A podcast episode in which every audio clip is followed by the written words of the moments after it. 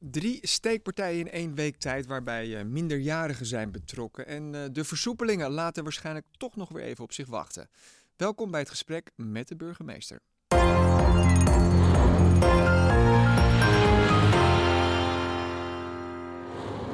Ja, mevrouw Halsema, van harte welkom.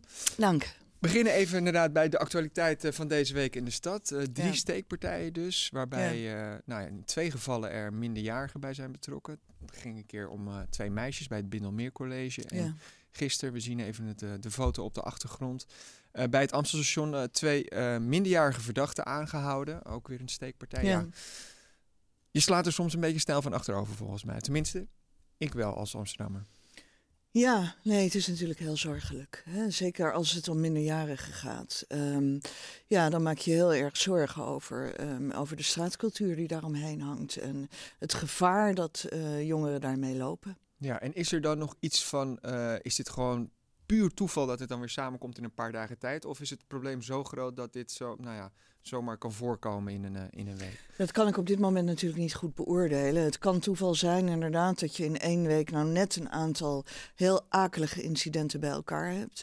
Maar wij zien natuurlijk al een hele tijd dat we veel te veel geweldsincidenten hebben, ook onder jongeren, uh, steekincidenten, waarbij wapens, uh, waarbij wapens in het, in het spel zijn. Ja, en, en dat heeft natuurlijk landelijke aandacht, lokale aandacht. Zeker. Uh, maar is er dan toch ook nog weer iets ja, wat, wat, wat we op korte termijn zouden, of wat u op korte termijn zou kunnen doen om het uh, tijd te keren? Nou, wij proberen er ongelooflijk veel aan te doen. We hebben de schoolveiligheid aangescherpt. We, hebben een, um, uh, we zijn een speciaal programma gestart tegen het verminderen van wapengeweld. Met campagnes daaromheen ook in, um, in een aantal wijken. Politie en, en justitie. ja, dat is lastig te beoordelen. Kijk, um, uiteindelijk gaat het er natuurlijk om dat politie en justitie vooral optreden. Hè. Daar waar er verdachten zijn, daar waar er slachtoffers zijn, moet er gehandeld worden.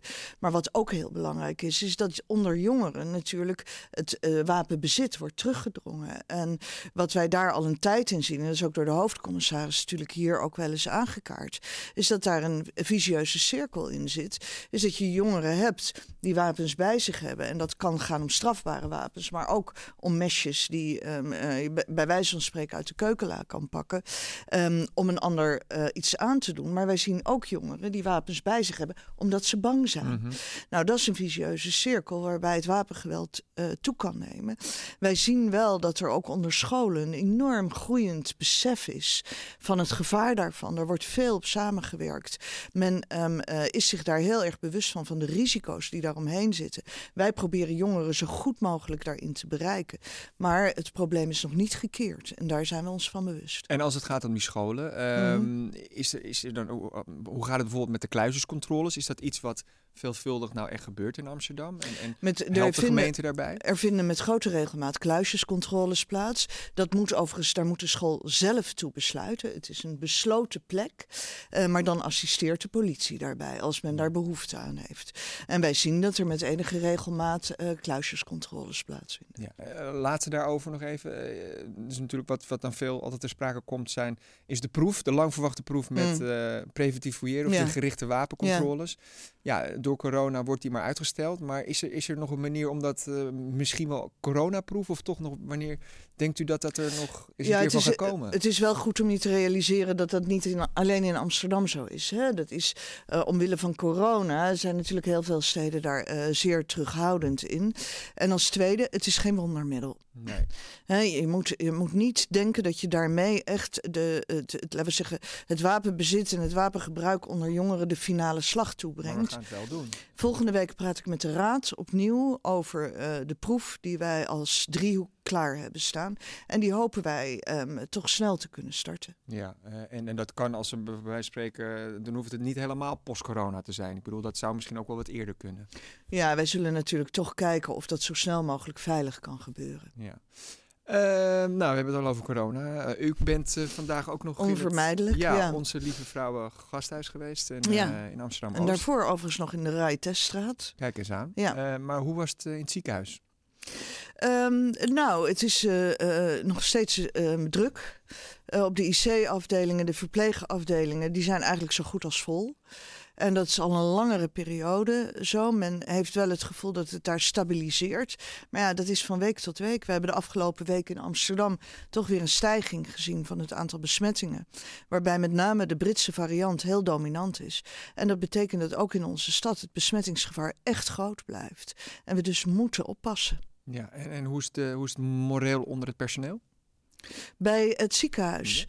Nou, eh, bewonderenswaardig zou ik eigenlijk willen zeggen. Want mensen zijn nu al meer dan een jaar in touw. Mm verloven opgeschort. Mensen hadden natuurlijk ook gehoopt dat ze in de meivakantie nu wel eens weg zouden kunnen. En ook voor het verplegend personeel geldt dat dat weer langer moet duren. Dus uh, mensen zijn moe. Um, uh, ook geëmotioneerd, omdat er ook vaker jongere mensen in het ziekenhuis liggen. En dan, ja, dan lopen de emoties ook verder op. Natuurlijk vooral als mensen dan heel ernstig ziek zijn. En tegelijkertijd, ja, men hoopt ook op het einde en op het doorzetten van de vaccinaties. Want dat betekent natuurlijk de uiteindelijke verlichting in de ziekenhuizen. Ja, en, en, en wat denken zij dan toch als zij op een mooie lentedag uh, vlak voor hun neus in het Oosterpark uh, ja, heel veel mensen bij elkaar zien komen? Nou ja, kijk, ik heb een, uh, al heel lang een bondgenoot in Maurice van der Bos, de mm -hmm. um, bestuurder van het Onze Lieve Vrouwengasthuis. Die eigenlijk net als ik zeg, um, probeer dan in reactie de openbare ruimte buiten een beetje geordend te openen. Maar zeggen de IC-verpleegkundigen dat ook? Ik heb daar geen wanklank op gehoord. Ja. Nou kan het ook zijn dat het was omdat ik er was dat ze niet uh, mopperden. Maar um, uh, ik vraag me af of daar een hele zware tegenstelling is. Kijk, de, de reden dat ik, um, net als een groot aantal andere burgemeesters, heb gepleit voor bijvoorbeeld het openstellen van de terrassen. Dat is niet omdat ik wil versoepelen, maar omdat ik de buitenruimte die in Amsterdam schaars is, zoveel mogelijk wil gebruiken om mensen te kunnen spreiden. En daarbij heel graag ook de hulp inroep van horecapersoneel. Ja, maar premier Rutte zei vandaag nog dat het misschien wel eens half mei kan worden. Ja, dat heb ik ook gehoord. Ja. En hoe ziet u dan uh, de eerste mooie lentedag voor u?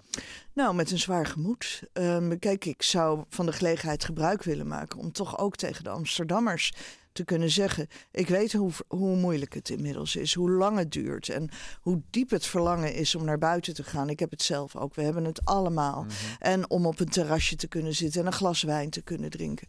We moeten het nog even volhouden. Dus als je naar buiten gaat, blijf toch een beetje afstand houden. En waag je niet aan dit soort festijnen als jullie hier laten zien in het Vondelpark. Ja, maar u, u, zei, u heeft ook al bij, bij de collega's gezegd van ja, ik, ik voorzie eigenlijk gigantische problemen dan.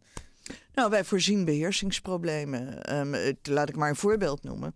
We hopen natuurlijk toch dat Ajax kampioen wordt mm. binnenkort. En ik maak me natuurlijk wel zorgen over kampioensfeesten die dan spontaan kunnen uitbreken op straat. En ook dan wil ik toch aan de Amsterdammers vragen hoe blij we ook zijn, ja. Blijf er alsjeblieft aan denken dat de besmettingen, dat het virus nog rondwaart. En gaat u dan toch nog iets faciliteren om dat dan toch op een andere manier naar een goede baan te kunnen leiden? Wij voeren natuurlijk het Rijksbeleid daarin uit en dat ja. handhaven wij en dat zullen wij. Hè, ik kan natuurlijk wel uh, pleiten bij het kabinet om meer uh, mogelijk te maken, maar als het kabinet anders besluit, dan ja. voeren wij het Rijksbeleid uit. Maar jullie liggen wat dat betreft uh, alles behalve op één lijn, inderdaad. Want, want ja, premier Rutte blijft volhouden. Nee, dat gaan we niet doen, want meer bewegingen. Mensen houden niet die afstand op een terras. Ja, weet u, dat is eigenlijk alleen op het onderdeel van de terrassen. Mm -hmm. Want op alle onderdelen ben ik het gewoon met de premier eens. En wij zitten in de grote steden natuurlijk met een heel specifiek probleem. En met name in een dichtbevolkte stad als Amsterdam, waar de buitenruimte heel schaars is en waar we eigenlijk alles nodig hebben. Maar vergis u niet, in de algemene lijn van dit kabinet de keuze om voorzichtig te zijn en om te blijven herinneren aan de eigen verantwoordelijkheid, is er geen verschil van mening. Toch zie je wel twee overheden, twee verschillende overheden, die het met elkaar oneens zijn. Dat, dat is misschien toch ook weer ondermijnend voor het, uh, het draagvlak nee, van de regels. Dat is, dat is maar net um, uh, hoeveel u het uit wil vergroten. Wij hebben gewezen op het belang van de terrassen. Het kabinet heeft op advies van het OMT en het RIVM anders besloten. Daar leg ik mij dan gewoon bij neer. En dan voeren wij het Rijksbeleid uit. Zo eenvoudig is het.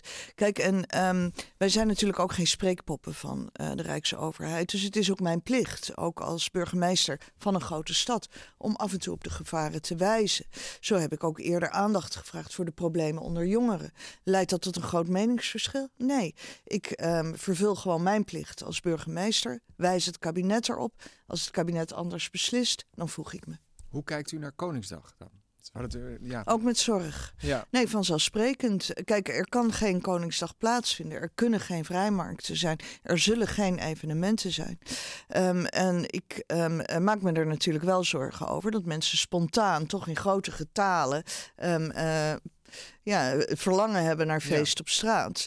En nogmaals, alsjeblieft, wacht nog. Wacht een maand, dan is, dan is de situatie echt anders. Ja, want dat gevoel was vorig jaar met Koningsdag ook heel anders dan nu natuurlijk. Ja, dat was natuurlijk in de eerste golf. Toen dachten we allemaal dat het toch te overzien was.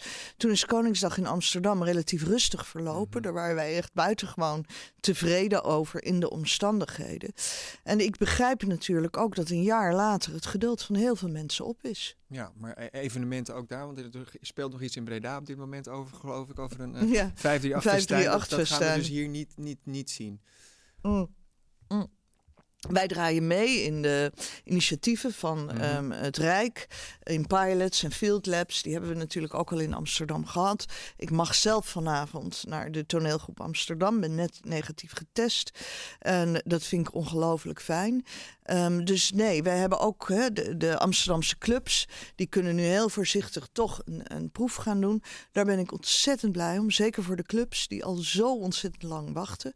Dus daar doen wij in mee, maar we zijn wel voorzichtig andere groep nog dan deze crisis. Uh, de koffiedrinkers, de demonstranten mhm. tegen het uh, coronabeleid. Die uh, wekelijks, ja, nu al bijna een paar maanden, samenkomen op het Museumplein. Drie maanden, ruim, ja, ruim drie maanden. en bijna drie maanden gaat de, de grasmat er ook uit. Ze kunnen er niet meer naartoe, hè, vanaf de twintigste. Ja, dat, maar dat is toeval. Ik bedoel, ik, ik heb ook op social media allerlei complotten daarover gezien. Maar dat ligt bij een andere afdeling dan openbare orde. En dat was al heel lang gepland. Dus ja, dat moet. En, um, en we hebben wel besloten, laten we het dan nu ook zo snel mogelijk doen. Um, want je kan het ook in fase doen. Maar wij hopen wel dat op het moment dat de stad weer echt open is, het museumplein ook weer echt open is. En biedt u deze groep een andere plek aan? Nou, wij, wij, bieden deze groep al heel lang andere plekken mhm. aan. Hè. Elke week krijgen zij de mogelijkheid om in het Westerpark uh, geordend met maximaal 500 mensen uh, te mogen demonstreren. Dat uh, aanbod staat elke week, ja. dus ook nu. Vorig weekend gingen ze naar Amstelveen dan nu, dus nu ja. dit weekend is het maar weer. Ze hebben ook in Baarn met een enorme groep mensen gedemonstreerd, 2000 zag ja. ik. Maar het is voor het nu weer een verrassing waar ze nu weer op zullen duiken aankomend weekend. Nou, of, politie en justitie is behoorlijk goed geïnformeerd. De intel is goed. Um, dus wij weten um, uh, um, vaak wel wat men van plan is. Maar nee, je ziet natuurlijk ook dat de koffiedrinkers uh, creatief zijn en steeds andere plekken uitzoeken. Maar eh, het kost wel ook bakken met geld natuurlijk. Het ja, heeft dat al, is zo. 5, 6 miljoen gekost of zo. Ja. En, en, en nou, waar we het gesprek mee begonnen, agenten die u uh, liever denk op andere terreinen inzet. Ja, dus dat, dat is ook klopt. wel frustrerend. Dat klopt. En tegelijkertijd wil ik aan de demonstratievrijheid geen prijskaartje hangen. Want um, kijk, hier gaat het om demonstranten die op een plek en op een manier demonstreren die niet is toegestaan. En dus uh, vergt dat politieoptreden. Maar er zijn ook veel toegestane demonstraties die ook politieoptreden vergen. Of die in ieder geval ook bescherming van de politie vergen. Hè? Want politie is er in eerste instantie, de vredeseenheden met name, om um, uh, demonstraties te beschermen. Dat kost ook geld en uh, dat hoort nou eenmaal bij de demonstratievrijheid. Het zou wel heel prettig zijn als deze demonstranten er een tikkie rekening mee zouden houden. Door bijvoorbeeld eens van de tijden die we bieden, Westerpark, op afstand gebruik te maken. We gaan het zien zondag. Eerst naar theater dus vanavond. Ja, ben Coro Coronavrij. Nou, een hele geruststelling weer. Eh, dank u wel voor uw komst in de studio. Graag gedaan. Ja, tot zover eh, het gesprek met de burgemeester. Voor nu, eh, wij zijn er weer over twee weken. Graag tot dan.